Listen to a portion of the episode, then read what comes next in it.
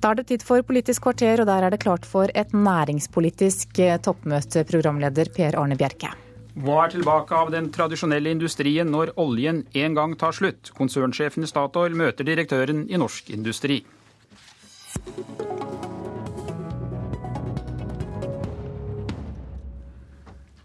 Klokka ni kommer politikere og næringslivsledere sammen til NHOs årskonferanse i Den norske opera. Men først møtes to av deltakerne her i Politisk kvarter. Velkommen konsernsjef i Statoil, Helge Lund, og administrerende direktør i Norsk Industri, Stein Lier Hansen. Helge Lund, hvilket ansvar har oljenæringen for at vi har fått et lønns- og kostnadsnivå som skaper til dels store problemer for fastlandsindustrien?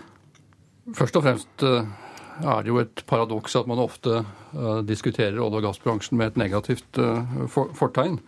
Vi vet jo at bransjen har bidratt til stor makroøkonomisk stabilitet eh, i Norge, til vekst og sysselsetting. Vi har bygd opp verdens største oljefond, og jeg er ikke i tvil om at denne bransjen også har vært en enorm katalysator og drivkraft for å bygge et høyere generelt kompetansenivå i Norge. Jo, men Hvilket ansvar har du for lønns- og kostnadsnivå? Vi har i alle bransjer, også i vår bransje, et stort ansvar for å drive eh, effektivt. Det er slik at eh, olje- og gassbransjen internasjonalt nå står overfor store strukturelle utfordringer. Vi investerer på rekordnivåer. Produksjonen står omtrent eh, stille. Lønnsomheten faller. Så vi har også en sterk e-, egeninteresse til å drive ned kostnader og sørge for at vi får til også en forsvarlig og konkurransedyktig lønnsutvikling i Norge. Stein Lier Hansen, det er du som da representerer den tradisjonelle industrien. og Der mange bedrifter sliter. I fjor gikk bl.a. Tofte over ende. Hvor mange nye arbeidsplasser tror du forsvinner innenfor ditt område i 2014? Ja, vi, vi, eh, har ikke noe sikkert tall for det. Nå skal vi offentliggjøre en konjunkturrapport eh, tidlig i februar måned, så da er vi mer presise på det. Men vi ser eh, at i ulike industribransjer så er det også ulike prognoser for 2014. Og det er ikke sånn at det er helsvart, snarere tvert om. Vi har store investeringer nå i tradisjonell prosessindustri. Både innenfor eh, smelteverka, innenfor aluminium, og vi har også treforedlingsindustri som går bra. Så en skal være forsiktig med å tegne sånn svart-hvitt-bilde. Eh, så har jeg lyst til å understreke det Helge Lund sier. Altså, vi må ikke glemme at Norge har klart seg gjennom to finanskriser uten særlig arbeidsledighet. Vi har store grunnrenteinntekter fra olje- og gassvirksomheten som har gitt oss en velferdsstat som de fleste andre land eh, misunner oss. Og vi har også eh, gjennom innovasjon og teknologiutvikling fått store eh, bieffekter i annen industri, nettopp fordi at vi har en leverandørindustri og en oljeindustri som går foran. Sånn at uh, dette er et mye mer sammensatt uh, problem. Men det som er viktig, er at vi nå har kostnadsfokus. At uh, alle bransjer klarer å holde igjen på lønnsveksten. Og at vi klarer liksom å tenke litt lengre neserekker og forstå at skal vi opprettholde velferdsstaten, skal vi klare å ha et samfunn med nærmest null arbeidsledighet, så må vi nå få kontroll på lønnsveksten. Og det gjelder alle bransjer. Det gjelder innenfor industri, og det gjelder offentlig sektor. Ja, Det er jo midt inne i vårens lønnsoppgjør som starter om noen få måneder. Hvor store tillegg har eh, industrien innenfor ditt område råd til denne gang? Nei, altså Nå mener jeg at eh, situasjonen er så alvorlig at nå må vi komme ned på en årslønnsvekst i 2014 som ikke ligger særlig høyere enn det store konkurrentland har, altså Tyskland, Sverige og Finland. Mm. Og da må vi så klart eh, ned på totallet. Alt annet vil være uakseptabelt. Og da snakker vi om totale eh, lønnsutviklinga. Og vi må ikke glemme at i Norge nå så har vi hjelp av en eh, relativt eh, svak kronekurs. Vi har nesten ikke prisstigning, altså vi har en prisstigning på rundt 2% Så det betyr at en lønnsvekst i Norge nå, som eh, det vi forutsetter vi vil få i konkurrentlandene, vil jo gi en reallønnsvekst til alle, samtidig som det vil være et viktig bidrag til lav rente, noe som alle tjener på, og en eh, kronekurs som gjør at all eksportindustri kan puste litt lettere enn det, vi, det som er alternativet dersom vi får et høyt lønnsoppgjør. Helge Lund, dere har jo vært lønnsledende i mange år. og Klarer du å holde deg på totallet hvis du skal få de fagfolkene du trenger for å holde virksomheten i gang? Det er slik at det blir ikke flere ingeniører eller flere eh, kompetente oljemedarbeidere av at, at vi byr hverandre opp med høyere eh, lønninger. Og jeg tror alle er tjent med, både bedriftene eh, og de som jobber i bedriftene, at vi klarer å skape et konkurransedyktig næringsliv i Norge. Og det inkluderer også oljebransjen. Men klarer du å holde deg på totallet? Jeg vil ikke forskuttere eh, lønnsoppgjøret nå, men det er viktig som Lier Hansen er inne på, at vi kan ikke år på år i Norge eh, bevilge oss eh, høyere lønnsutvikling enn de vi konkurrerer med. Og jeg understreker igjen at også olje- og gassbransjen står nå overfor store strukturelle og økonomiske utfordringer fremover, så vi har også en stor egeninteresse i å videreutvikle konkurransekraft, også ved at vi har moderate lønnsoppgjør i Norge. Ja, og Jeg har lyst til å bare kommentere en ting til rundt dette med todeling. Altså, Vi gjennomførte en ganske omfattende analyse i, eh, for, i forbindelse med fjorårets konjunkturrapport. og Det er ikke tvil om at i alle fylker, også innlandsfylkene, så er det en rekke mekaniske bedrifter, en rekke rekke små verkstedbedrifter som har klart å omstille seg fra tradisjonelle marked, og som nå er en del av verdikjeden olje og gass. Og Dette er også en del av debatten. Altså Det er mange små og mellomstore bedrifter i Norge innenfor mekanisk produksjon, innenfor eh, verkstedproduksjon, som ikke hadde overlevd uten den drahjelpa som vi har fra eh, Nordsjøen og fra norsk sokkel. Så det er også en del av historien. Men, men det som jeg tror er poenget med denne todelingsdebatten, det er at alle bransjer alle industribransjer, også innenfor olje og gass, må nå klare å få til moderasjon, må klare å skape konkurransekraft, må få produktiviteten sin. Hvis ikke så vil Industri-Norge totalt sett få unødig store problemer. Det gjelder kanskje også ditt område, Helge Lund? Vi er ikke noe unntak i, den, i det perspektivet. Vi har en konkurranseutsatt næring. Leverandørbedriftene i Norge som er verdensledende, har jo nå omtrent 50% av sin omsetning eh, utenfor Norge. Og vi er avhengig også i denne industrien å være konkurransedyktig i en global eh, sammenheng. Nå står dere midt oppe i store investeringer, bl.a. på Johan Sverdrup-feltet i Nordsjøen. Hvor lenge kan vi forsvare slike gigantinvesteringer når vi i fremtiden kanskje får energikilder som er viktigere eller like viktige som oljen? Johan Sverdrup-feltet er et eh, fantastisk eh, oljefelt. Det er mange milliarder uh, fat. Det er svært lønnsomt. Det er lett, fin olje. Jeg tror alle analytikere, seriøse analytikere de ser at det vil være om lag 70% hydrokarboner i energimiksen 20-30 år frem i tid. IAs eh, sjefsøkonom var i Norge for en tid tilbake og var veldig tydelig i sin konklusjon. Med den CO2-effektive produksjonen vi har eh, i Norge, så trenger vi hvert fat og hver kubikkmeter eh, gass fra norsk sokkel fremover. Eh, Lier Hansen, når vil vi begynne å forberede oss på at eh, oljealderen en gang faktisk tar slutt? Enten fordi reservoarene er tomme, eller fordi andre og mer miljøvennlige energikilder etter hvert kan komme til å overta? Altså Det må vi forberede oss på hver dag. det. Altså Et høykostland som Norge, et av verdens mest velutvikla velferdssamfunn, må hele tiden ha fokus på innovasjon, forskning, innovasjon, kunnskap, kunnskap. Så det må forberede oss på hver dag. Det er ikke sånn at vi kan eh, være layback.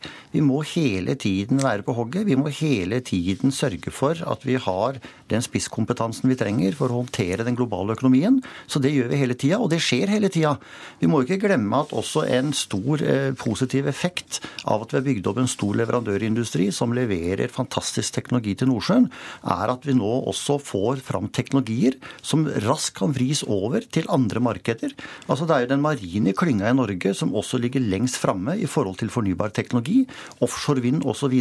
Statoil har jo selv prosjekter hvor de konkurrerer konsentrere om offshore vindprosjekter i andre verdensdeler. sånn at det gjør vi hver dag. Men det må ikke bli sånn at vi, vi kan liksom ikke kutte navlestrengen til olje- og gassinntektene våre over natta. For den betyr så mye for det norske samfunnet. Det går ikke an å forstå hvorfor Norge ikke har eh, høyere arbeidsledighet uten å forstå den sysselsettingseffekten f.eks. som den store olje- og gassnæringa har i Norge. Så her må vi på en måte ha to tanker i hodet samtidig. Og vi må hele tiden forberede oss på å komme inn i nye markeder. Men, men det, det er ikke enten-eller. Det er et både-og, og ting må skje systematisk og planmessig. Er det et både-og for deg også, Helgelund? Absolutt. Det er viktig at eh, olje- og gassbransjen kan fungere i parallellitet med eh, fornybar energi. Vi er jo sterkt eh, også for og støtter utvikling av fornybar energi. Gass f.eks. går veldig godt sammen fornybar energi, fordi den er fleksibel og kan kjøres opp og ned. Og Vi bruker jo også vår kompetanse som vi har utviklet gjennom 40 år offshore, på å bygge å utvikle og drive offshore vindkraft eh, i Storbritannia f.eks. Men tror du det er mulig å fortsette på samme måte som i dag med den klimadebatten som nå kommer, av de klimautfordringene vi står overfor?